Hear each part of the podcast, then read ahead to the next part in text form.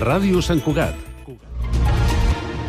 Bona tarda, són les 4, us parla Andrea Medina. Pedro Sánchez ja té 179 vots per ser investit president del govern en un ple la setmana vinent, després que avui el PNB hagi signat el darrer acord que necessitava i Coalició Canària s'hi hagi afegit. En les pròximes hores els socialistes registraran al Congrés la llei d'amnistia. Quan tingui l'aval de les formacions n'explicaran el contingut. I el ple d'investidura serà possiblement dimecres i dijous vinent. El primer secretari del PSC i cap de l'oposició, Salvador Illa, ha valorat l'acord entre el PSOE i Junts per Catalunya i la resta de partits i n'ha dit que són una aposta per la convivència i per frenar l'ultradreta. Acords que són una aposta per la convivència. Són això. Són una aposta per la convivència i serveixen, no ho oblidem, ho veiem cada vespre en forma de recordatori bastant explícit per frenar la ultradreta per frenar la ultradreta. Acords que són una aposta per la convivència, per seguir avançant i per frenar la ultradreta. En canvi, l'eurodiputada de Junts per Catalunya, Clara Ponsatí, ha dit avui que Puigdemont menysprea la gent que l'ha votat i protegit havent pactat ahir amb el PSOE. Obrim plana de mobilitat, fer un cop d'ull a l'estat de la xarxa viària catalana, on a aquesta hora s'ha produït un accident. Sílvia, Servei Català de Trànsit, Sílvia Delamo, bona tarda. Bona tarda des del Servei Català de Trànsit. Comencem parlant d'un accident, en concret d'un motorista a la P7, a Santa Perpètua de la Mogoda, en sentit a Tarragona, on hi ha dos carrils tallats i de moment 4 quilòmetres a l'antitud. Si seguim parlant dels accessos nord, mencionem la P7 també a Barberà, al seu lateral la B30 i la C17, la C58 i la C33 cap al Nus de Trinitat. També recordem que tenim un problema a les rondes bastant important per un accident que hi ha hagut i en el cas de la ronda de dalt molts problemes en sentit Trinitat i en canvi la ronda del litoral va molt carregat en amb dos nusos. En el cas de la B23 ja els accessos sud, mencionem el Papiol eh, en concret eh, cap a l'enllaç amb la P7, també la C32 quan connecta amb la ronda de dalt però també a Sant Boi en sentit Sitges i demanar-vos de nou molta cautela i que no baixeu la guàrdia en cap moment. Bona tarda. L'exlíder del PP català, Aleix Vidal Quadres, està estable i sense risc vital després de ser operat pel tret que va rebre ahir a la cara a Madrid. Es troba ingressat a la secció de cures postquirúrgiques de l'Hospital General Universitari Gregorio Marañón. Vidal Quadres va ser intervingut ahir per la doble fractura mandibular que li va casar, causar el tret. La Policia Nacional investiga si l'Iran està al darrere de l'atac. I en esports, a l'Eurolliga, el Barça rep a dos quarts de nou l'Estrella Roja. Els blaugranes busquen un nou triomf. Seria el sisè en set partits per mantenir-se a la segona plaça. Una victòria victòria per sota del Real Madrid. Fins aquí les notícies en xarxa. Notícies en xarxa. 4 i 3 minuts. Comença el Connectats.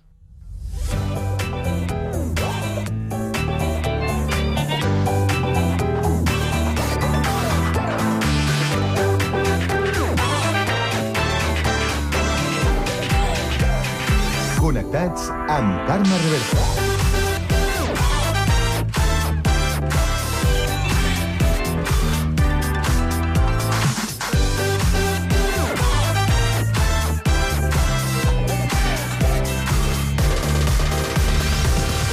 Molt bona tarda, salutacions i benvinguts al magazín de tarda de la xarxa, aquest eh, Connectats de l'àrea metropolitana de Barcelona, que fem Ràdio Sant Cugat, Ràdio Sabadell, la Ràdio Municipal de Terrassa, el Prat Ràdio, Ràdio Ciutat de Badalona i Ràdio Castellà. Una salutació de tot l'equip conduït a la part tècnica per Pablo Palenzuela i de qui us parla, Carme Reverte. Avui és divendres, per fi divendres, 10 de novembre, i volem saber quin temps ens espera aquesta tarda. Lluís Mi Pérez. Bona tarda. Les properes hores estaran marcades per aquests núvols una mica més atapeïts a totes les comarques que estan tocant el Pirineu o cap al nord de Girona i fins i tot s'aniran escapant alguns plogims dispersos i intermitents. Ja diem, bàsicament en la frontera francesa o cap a l'Alt Pirineu, alguna nevadeta escadossera. Cap als 2.000 pujant cap als 2.300 metres. A la resta del país, més sol que no pas núvols o un cel serè i un vent més marcat a les comarques metropolitanes de Barcelona, també al Camp de Tarragona, a les Terres de l'Ebre i al sud de Lleida. L'ambient s'està suavitzant. De fet, encara s'anirà incrementant aquesta temperatura al llarg del cap de setmana. El diumenge, el dia més primaveral. Per tant, arriba Sant Martí amb el seu estiuet de ple dret. Diumenge tocarem els 25 graus de màxima a les Terres de l'Ebre. I el dissabte amb més núvols, amb algun plogim al matí, sobretot al Pirineu. La tarda una mica més assolellada, menys a la banda pirinenca. I el diumenge un dia més tranquil, més assolellat, però una altra vegada ventós, sobretot del Llobregat cap al sud. Us seguirem a la xarxa.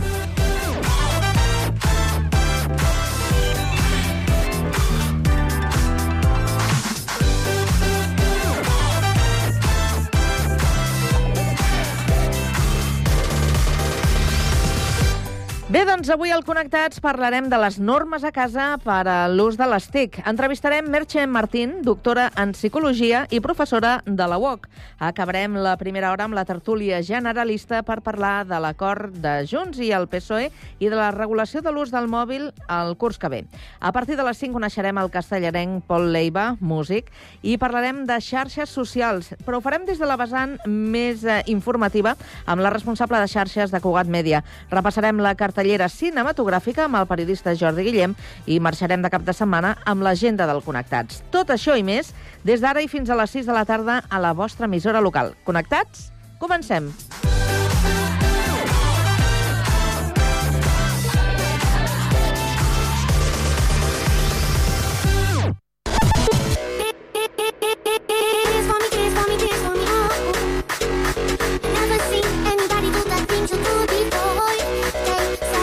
Connectats, una experiència radiofònica a Sabadell, Terrassa, Sant Cugat, El Prat, Castellà i Badalona.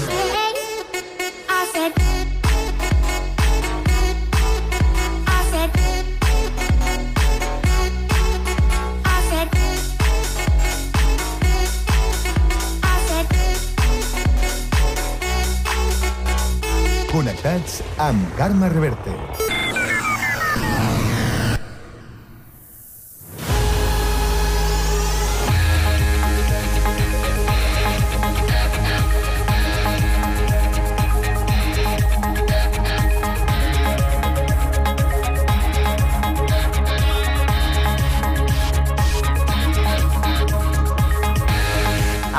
I 7 minuts ens actualitzem, ho fem amb la ronda informativa que un dia més obrirem per Terrassa. Sergi Estafé, bona tarda. Bona tarda. Terrassa se suma aquest mes de novembre, un any més, a la celebració de la Setmana de la Ciència liderada per la Fundació Catalana de la, per la Recerca i la Innovació. Concretament és la 28a edició que se celebra entre el 10 i el 19 de novembre i contempla 37 activitats pensades per fomentar l'interès a l'entorn de l'àmbit científic i del coneixement entre la ciutadania. La programació destaquen mostres i tallers a les biblioteques del districte 2 i 4, conferències presencials i virtuals, rutes per a la ciutat universitària, jornada de portes obertes a la Seu d'Ègara, al Castell Cartoixo, a la Casa de la Guerra Sagrera, un taller de primers auxilis o una observació astronòmica. L'acte de Cloenda, previst per al dissabte 18 de novembre a les 11 al Museu Nacional de la Ciència i la Tècnica de Catalunya, comptarà amb la conferència a la cerca de la vida fora de la Terra, a càrrec del divulgador científic Joan Anton Català, comissari del centenari del naixement del científic Joan Oró. Gràcies, Sergi. I ara seguim amb l'actualitat des de Sabadell. Pau Duran, bona tarda. Bona tarda. Aprovats els pressupostos municipals pel 2024, però amb tota l'oposició en contra, a excepció d'en Comú Podem, que s'ha abstingut. Així ha acabat el ple extraordinari de pressupostos que s'ha celebrat aquest divendres al matí.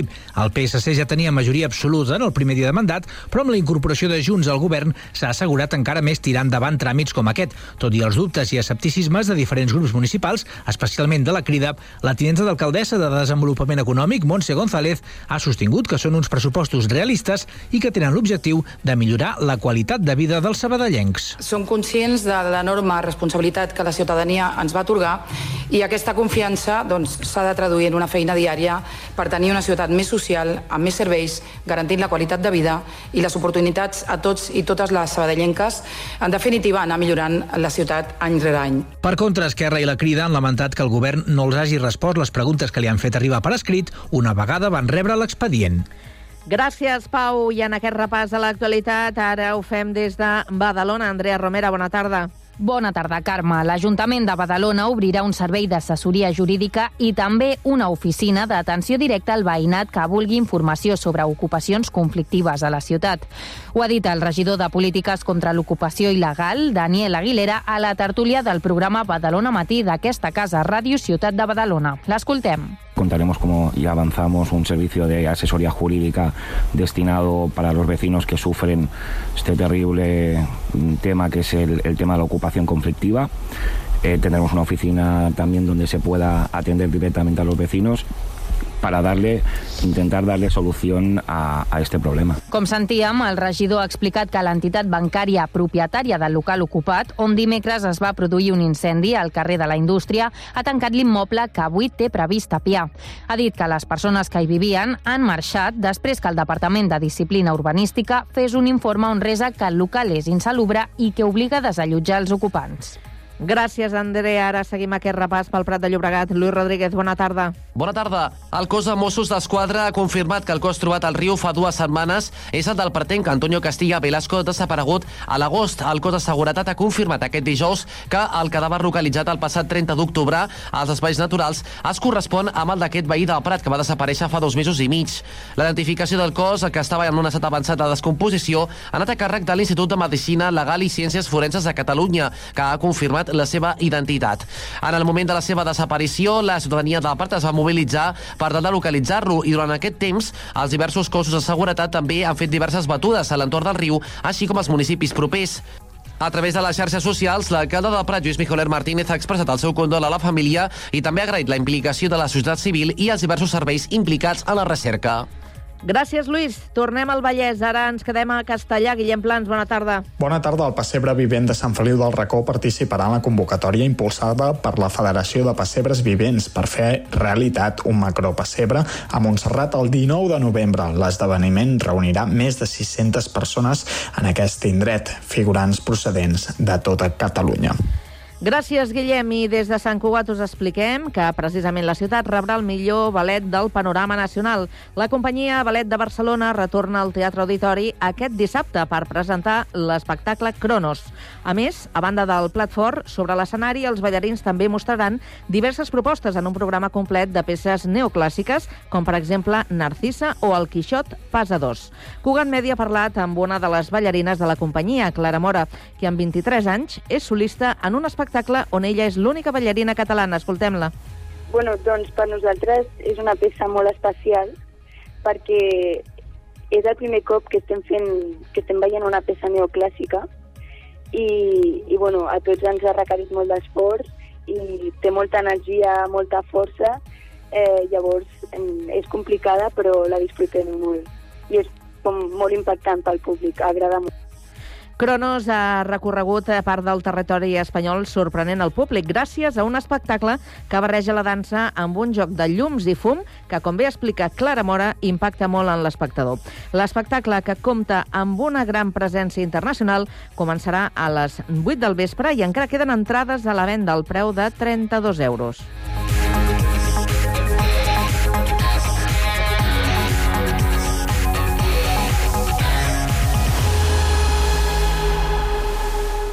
A la tarda, no et desconnectis.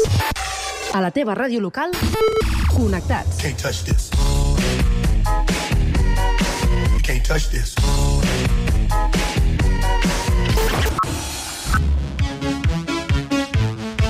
Can't touch this.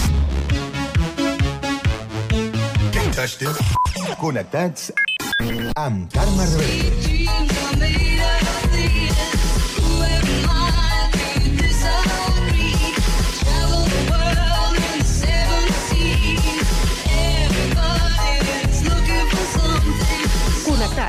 Una experiència radiofònica a Sabadell, Terrassa, Sant Cugat, El Prat, Castellà i Badalona.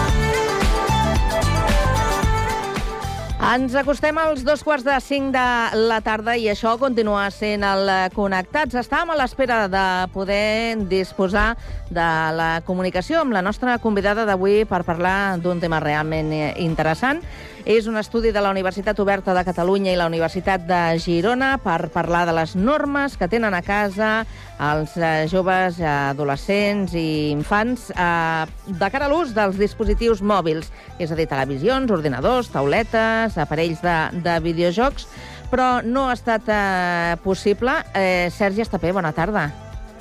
Hola, bona tarda. Aquí estàvem a l'espera de poder contactar amb la Merche Martín, que és psicòloga i professora dels Estudis de Psicologia i Ciències de l'Educació, i a més una de les autores de- d'aquest estudi. Eh, potser que mm, convidem a, a la Merche a venir un altre dia, no? amb més tranquil·litat, Sí. perquè avui estava, es veu que estava enfeinada, no hem pogut disposar de, de, del seu temps. Sembla que, li has, que ha tingut un contratemps. Aquest estudi, és, doncs bé, és, és un, un estudi fet amb altres, amb altres professors de, també de la Universitat de Girona i de la UOC. Es titula Family Context Surrounding the Use of Technologies and Their Impact in Adolescents. Ens ha quedat bastant més clar tot, eh?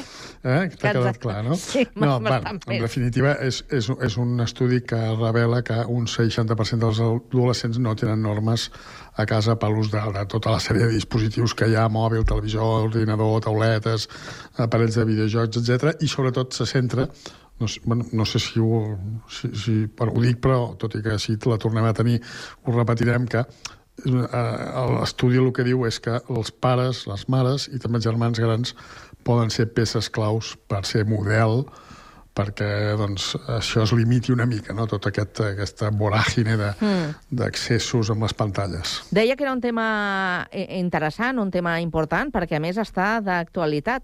Uh, avui parlarem d'aquí una estona a la tertúlia de, de la regulació de l'ús del mòbil als centres uh, educatius, perquè mm, sembla que ja s'hi han posat uh, ferms i que tirarà endavant una regulació que serà obligatòria a partir del, del curs vinent.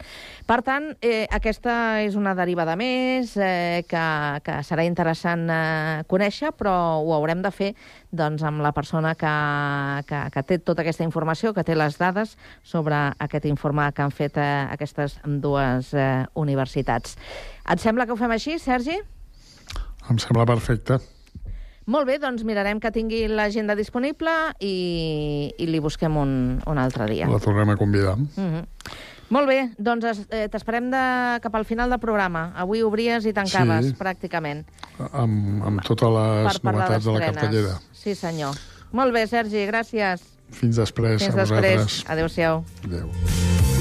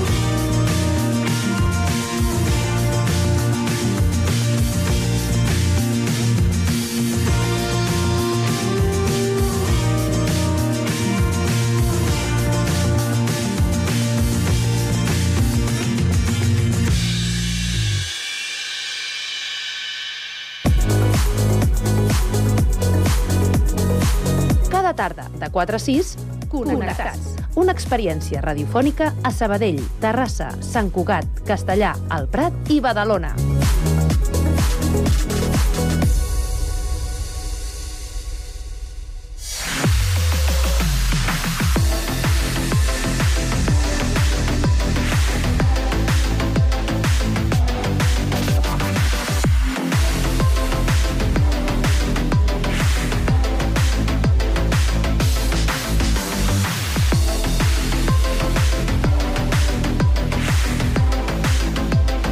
Passen dos minuts eh, i mig de dos quarts de cinc de la tarda i ara sí que obrim l'espai d'opinió.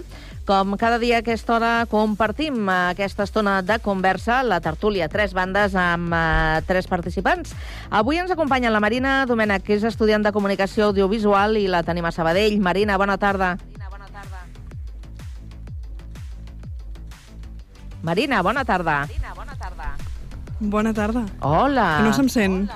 No, no, la primera vegada no, ara sí. No, vale. Ara, I m'estic sentint amb un Sí, retorn. doble, oi? Sí. sí jo també, em retorn. Mare meva, no sé quin què dia, passa. Quin dia.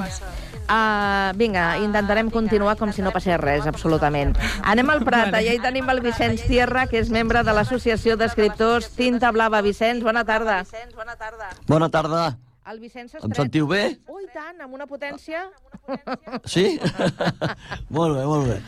Teníem problemes d'àudio aquí a la, al Plat Ràdio, però ho han solventat. Ho han Sí, solventat. no sé, avui què passa? Avui estem una mica, eh? Sí. Ah, una mica regirats. No sé quins problemes estem Sí, tenint, però ser vaja. La vigília de Sant Martí. Això és la vigília de Sant Martí. Home, però la vigília de Sant Martí és una bona celebració, no? No es matava el porc? Sí, o... sí, sí, sí, sí. L'única fa ventada. Demà farà un dia excel·lent, però avui fa una mica de vent i per això deu passar això, dic jo. Eh? Ah, mira, no, no sé, pot ser una explicació. I Pot ser una ac- acabarem les presentacions amb la Cristina Roniz, que és consultora experta en recursos humans i gestió de talent. La tenim aquí a l'estudi de Sant Cugat. Cristina, bona tarda. Hola, bona tarda. Molt bé, doncs ja hi som tots i ja podem parlar de- d'investidura perquè faltava Junts i ja s'ha anunciat eh, aquest acord entre PSOE i Junts i sembla que també hi ha eh, el que faltava per arrodonir aquest trencaclosques, eh? ja to, a, a, quadra totes les peces a Pedro Sánchez per eh, poder anar tranquil·lament a la investidura, perquè ja té l'acord també amb el PNB i amb la coalició canària. O sigui que ha aconseguit tots els cromos que, que calien per eh, poder fer realitat aquest, eh, aquesta segona legislatura d'aquest govern eh, que en diuen de, de progrés. Bé, doncs, sobre l'acord de, de Junts i el PSOE, eh, podríem dir que mm, no és ben bé eh, del mateix estil que el que van presentar Esquerra Republicana i, i el PSOE. Hi ha unes certes eh, diferències de, de, diríem, de, de, de magnitud, de conceptes, i, i en les formes, potser també. Eh, a mi m'agradaria saber, amb la informació que vosaltres disposeu, eh, què, què us ha semblat eh, aquest model que, que ha acordat eh, Junts i, i el PSOE. Qui vol començar? Vols començar, Vicenç? Sí, comencem. Vinga. Uh, mira, jo entenc que la política és l'art del pacte, és a dir, que uh, el pactar el, el que sigui. El que passa que la lletra menuda no ens l'han explicat segur, eh? perquè ara veurà com es desenvolupa la llei de l'amnistia i totes aquestes coses. Però el que sí que ha estat positiu és el pacte per encetar un nou camí. És a dir, perquè fins ara doncs, semblava que no hi havia camí, que era una cosa d'aquestes que, que, en fi, que fa sis anys que estem desbrossant el camí, no hi ha manera, no? O sigui que jo entenc com a positiu eh, que s'ha desbrossat el camí i que encetem un, un, un nou camí amb aquest pacte. A partir d'aquí veurem com es desenvolupa tot i veurem com van posant altres, suposo que pedres pel camí i aviam on arribem. Jo crec que el positiu és que engeguem, engeguem un nou camí i bé, doncs un nou camí important, important perquè fins ara no hi havia manera, eh? no hi havia manera. Com a mínim, és, Això és aquest, exacte, el, el punt de partida és que s'han posat d'acord per començar a, a parlar, a negociar, a escoltar-se. Exacte, exacte. Aquest, Mm. aquest és el tema. Sí, que sí. fins ara no s'han escoltat, cadascú deia el seu, no? Sí, sí, era un diàleg Que de potser ho continuen dient, no? Però vull dir, no, no ho sé. Que... Molt bé. Marina, tu què n'opines? Home, jo també crec que és una, això el que diuen, no? que és una oportunitat històrica de que dos partits uh, com, el, com són uh, PSOE i Junts s'hagin posat d'acord i hagin tret alguna cosa, que és una cosa que jo pensava que no passaria, però sí, sí, jo tinc ganes de, de ja treure'ns aquest tema de, de sobre i, i vinga, l'investim i, i ja està. I començar a caminar. No, home, eh, ara comença la feina, eh? Sí, Podríem dir. ara comença la feina, però sí, sí, eh, ja és un pas molt important, de, que és una cosa que estava molt encallada i mm, s'ha desencallat d'alguna manera. Sí, de, sí. de moment sí. Veurem les pedretes que anem trobant. Dic pedretes per, Però perquè serà- no ho sabem. No, no ho sabem. Sí, no ho sabem. A No. l'espera, a veure què passa. Cristina, tu com ho veus? Bueno, Eh, está claro que empieza una, una nueva etapa eh, para Cataluña. Eh, yo creo que estamos en un camino del cual eh, yo creo que ya no hay marcha atrás. ¿Mm? Entonces, bueno, veremos un poquito también mm, si se sigue este camino, que parece ser que sí, cuáles son las consecuencias, bueno, a nivel un poquito de, convivencia dentro y fuera de Cataluña.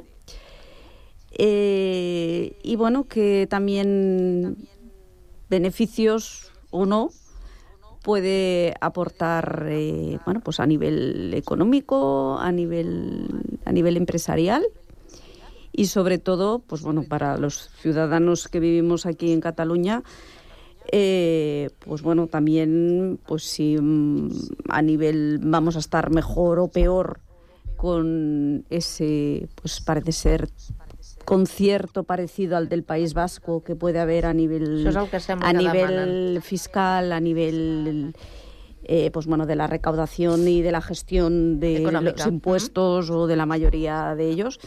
Entonces, bueno, yo creo que eso también va a ser importante eh, pues bueno, para, para todos los ciudadanos de, de Cataluña el decir, bueno, pues si vamos a estar eh, mejor o, o peor que antes y, y bueno, y que realmente pues también eh, se vea si los políticos eh, han puesto en primer lugar sus intereses personales, en algunos casos, lógicamente, pues a lo mejor a nivel de bueno, todo el tema de cómo van sus procesos judiciales, sus intereses personales o los intereses de partido o los intereses realmente de, la ciudadanía catalana que bueno que sabemos que está como bastante no repartido pues a lo mejor no aquello de un 50-50 bueno piensan pues eh, o quieren no seguir por, por el camino ese y hay otros pues que a lo mejor mm, bueno pues no ya les estaba bien como estábamos hasta hasta ahora no entonces, bueno, también un poco lo que tú comentabas, ¿no? Que quizás eh, Junts, pues mm, tampoco a lo mejor ha concretado algunas cosas, algunas cosas sí, otras a lo mejor o las desconocemos del acuerdo y, y bueno, y a lo mejor pues bueno, tiene, va teniendo una capacidad de negociación pues muy alta cada vez pues que te- se tenga que aprobar algo algo y que y que lógicamente pues irá negociando pues eh, esas cosas que, que, que le pueden ir interesando en, en cada momento y luego bueno veremos todo eso como, como revierte realmente pues en todos los ámbitos ¿no? Aquesta és una de les qüestions eh, diferencials, eh, que és un, és un acord ampli que dona pas a les negociacions que, que calguin. Eh, en aquestes negociacions, eh, i això és una singularitat i, i crec que és important destacar-ho, el que també s'ha acordat és que en aquestes negociacions hi hagi un mecanisme de verificació a nivell internacional. És a dir, eh, hi haurà un àrbitre que haurà de fer eh, doncs, eh, de ser neutral, Perquè es compleixin les normes, Perquè, perquè es es- es compleixin, compleixin les normes. les normes, Les normes del d'una banda i de l'altra. Exacte. exacte, Esperem sí, que no necessitin el bar, perquè si no, si no anem, anem arreglats. Però, Estem eh, perduts, estem Sí, no, però eh, eh, jo no sé si considereu que precisament aquesta figura que, que faci de, de, de verificador és una figura necessària i important en tot aquest procés i en les diferents negociacions que es vagin a, establint. Què us sembla? Su, suposo que eh, per, per un tema de, de seguretat jurídica. És a dir, eh, hi ha eh, eh, estadis pel damunt de, de, de, de la nació, de l'Estat aquí a la Unió Europea, no? Vull dir, perquè no hi hagi un concurs permanent de, de recórrer, recórrer, recórrer, no? Vull dir que... I, i paralitzar-ho tot, no? Vull dir, perquè això és així, els recursos ho paralitzen tot.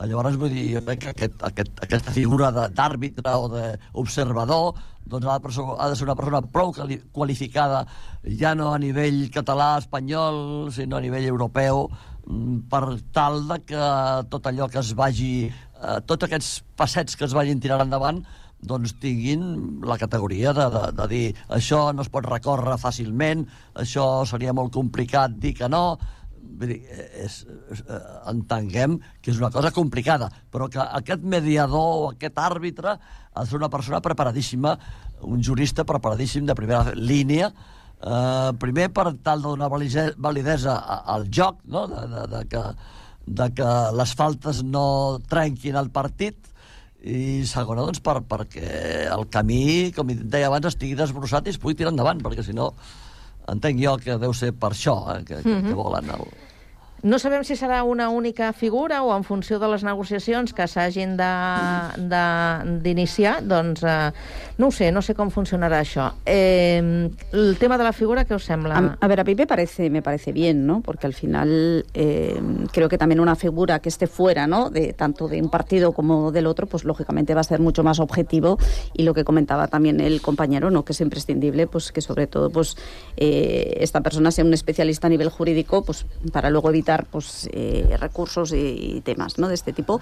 Bueno, supongo que se tendrá, claro, yo no sé quién va a dictar ese mediador, si se tienen que poner de acuerdo los dos partidos para Home, quién va a l'han de ser. reconèixer els dos, les dues Claro, parts. entonces, bueno, vamos a ver mm, quién es, ¿no? O, bueno, no lo sé. O sea, como figura, no, no me parece, no me parece, me parece bien que haya esta figura de, de un mediador internacional, me parece bien.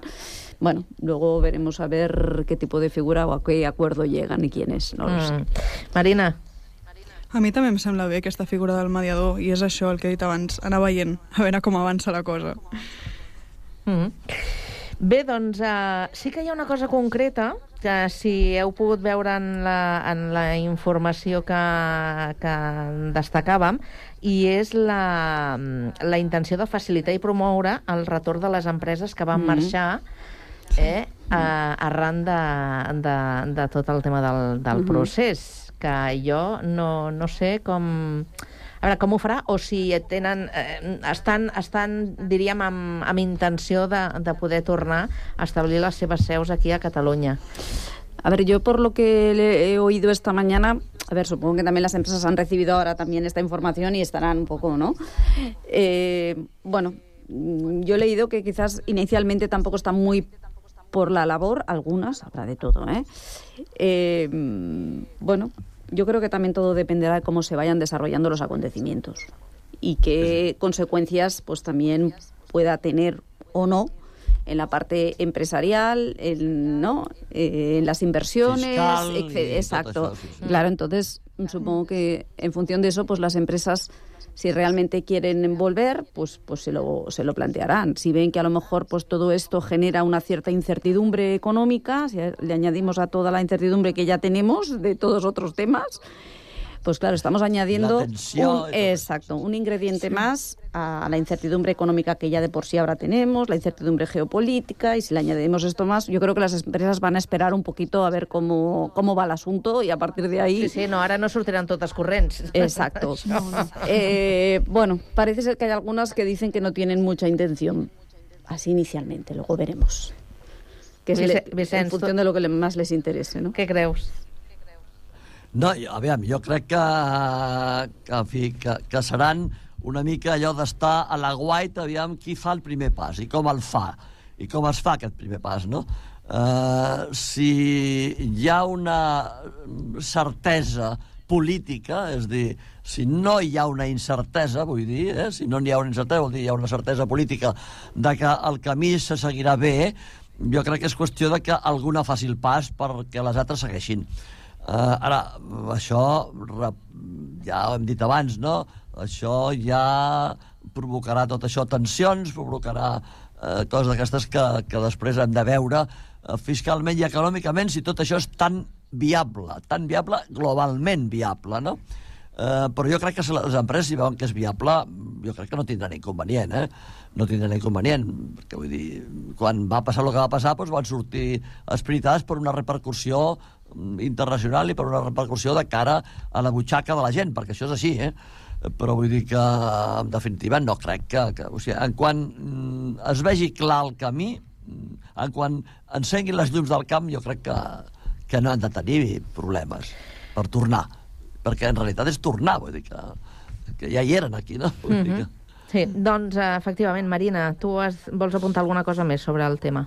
No, jo estic d'acord amb el que diuen els meus companys, que estan veient i, i a veure què passa amb aquestes empreses i que algú haurà d'obrir el camí i que ja van estar aquí, per tant, podrien tornar.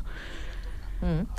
Doncs, efectivament, eh, comencem a, a caminar aquest camí i veurem què anem trobant eh, al llarg d'aquest recorregut, que tampoc no serà un passeig ni un camí de, de roses, No, i, no. que, i, que requerirà, i que requerirà de l'esforç d'uns i, i altres. O sigui que... I de, i, de, I de concessions, eh? perquè cadascú haurà de Sí, concedir. sí, i, de, i de, de tenir molta escolta i de... Bueno, i de... Exacte, exacte. Escoltar, escoltar. I de, i, de, I de negociar. Ho deies tu al principi, em sembla, eh, Vicenç? L'art de la... L'art del pacte, la política Sí. és l'art del pacte. O sigui, Mm. És un art, és un art, és un art. És igual Doncs que la a veure, si, medicina, la a veure si els polítics si els polítics es tornen artistes ara. Exacte, exacte, sí, sí, això, aquest és el tema, aquest és el tema. Molt bé, doncs... Un dia un amic meu, eh, només eh, us robo 30 segons, un amic meu que és metge, sí. eh, bueno, que abans eh, és amic que metge, però que és el metge de la casa i és amic de tota la vida, em deia, això de la medicina és un art, no és una professió, és un art, perquè amb dos malalts o dos pacients que tinguin el mateix, que el, el mateix diagnòstic, que els hi donis la mateixa dosis del medicament adequat, a lo millor amb un li funciona i a l'altre no. Clar, Eh? és que i som, això- som únics, som, som individus i cadascú té la seva pròpia història biològica. O sigui que eh, s'entén perfectament eh, el que en deia el teu amic. Eh, canviant de tema, anem a les escoles i instituts, anem al tema de la telefonia, no de la telefonia mòbil, sinó de tots els dispositius eh, tecnològics que utilitzen joves adolescents, infants, eh, nadons, fins i tot, eh, que, ostres, eh, jo una mica la sensació, i això és una opinió molt, molt personal, és que anem una mica, una mica ja tard, no? perquè aquesta Sí, problemàtica sí, sí. ja fa temps que, que, que, es, que es ve parlant, sobretot als centres escolars. I, I ara sembla que sí, que posen fil a l'agulla i que a partir del curs que ve tots els centres eh, escolars hauran de tenir regulat. O sigui, hi ha alguns que ja ho tenen. Sí. Però mm, hi ha aquesta necessitat i és realment així. Ho veieu com que eh, cal que, que tot això es reguli i es posin algunes restriccions? Jo crec que és imprescindible. Uh, però imprescindible també per, per la salut emocional dels adolescents, perquè no se'ls pot estar prohibint permanentment res si no se'ls dona altra cosa a canvi, perquè ells han pres el, el telèfon mòbil com la seva llibertat, és la seva intimitat, o sigui, uh, en, una, en qualsevol lloc els dius uh, que a canvi del que sigui han de deixar el mòbil i no canvien res pel mòbil, segur.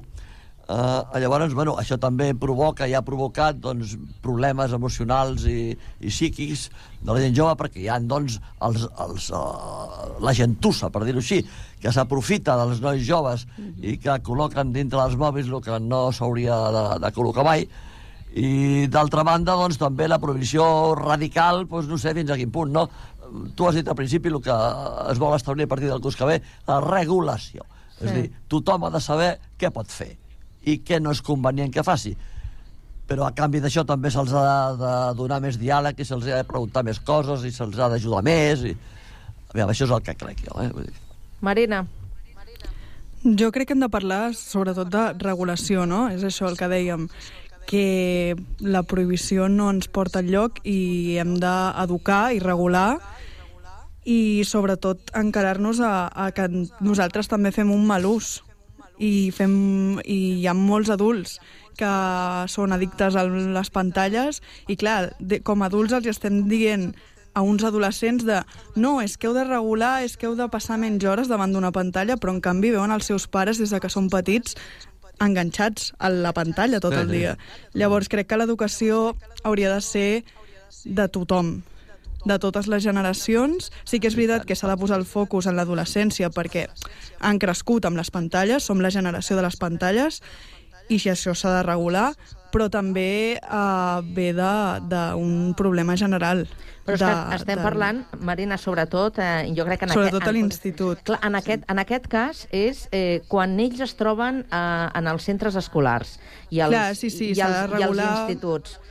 Mm, S'ha de regular, estan sí, en, un, sí. en un temps de, de, de formació, de compartir, de sociabilitzar, de formar-se, i mm, allò és un objecte que els entreté i, i distorsiona una mica totes aquestes, totes aquestes coses. Clar, però per una Digues, altra banda jo crec que el, el mòbil uh, també pot ser una eina d'aprenentatge a, la, a classe, però clar, s'hauria, és això, la regulació, perquè, per exemple, aprendre mitjançant jocs amb el mòbil Uh, bueno, s'ha demostrat que la gamificació i el, se't queden millor el, el, els coneixements. Mm. Si, si fas jocs... Clar, aquí també entra un tema de tothom té mòbil, tots els pares els hi compren un mòbil als seus fills, clar, mm, també hi ha una I a quina edat els hi compren? I a quina, A quina edat els hi compren? Clar, tothom en té? No. Mm, bueno, això també s'hauria de, de mirar. Vale, sí, yo también estoy de acuerdo con el tema de, de la regulación de los móviles en, en los colegios. Sobre todo también eh, creo que, a ver, que también el móvil sirve, lógicamente, pues para, para aprender y, y- y, bueno, y lo que comentaba también la compañera, todo el tema de la gamificación, que, también es muy bueno. Eh, pero yo creo que también es importante, aparte de, de que afecta sobre todo pues también a la falta de relación ¿no? social entre, entre, entre los niños o entre las- los adolescentes, creo que también es importante hacer sobre todo educación para prevenir ciertos riesgos que pueden tener los, los móviles. ¿no? Entonces creo que, que eso es, es, es importante, que en los eh, institutos eh, se haga también pues eso, eh, pedagogía ¿no? de, de- de- de los beneficios que puede tener un móvil, pero también de los riesgos importantes que pueden tener los móviles, pero no solamente en los colegios, porque a veces tendemos ¿no? a decir los colegios, no, en las familias también, ¿no? y el ejemplo que damos Ah, en sí, sí. casa. Porque eh, sabemos pues que bueno, en muchas familias pues los niños con dos años están con una tablet viendo unos dibujos animados, con dos años, y saben ya Sí, sí. utilizar todas las teclas, tal, no sé qué.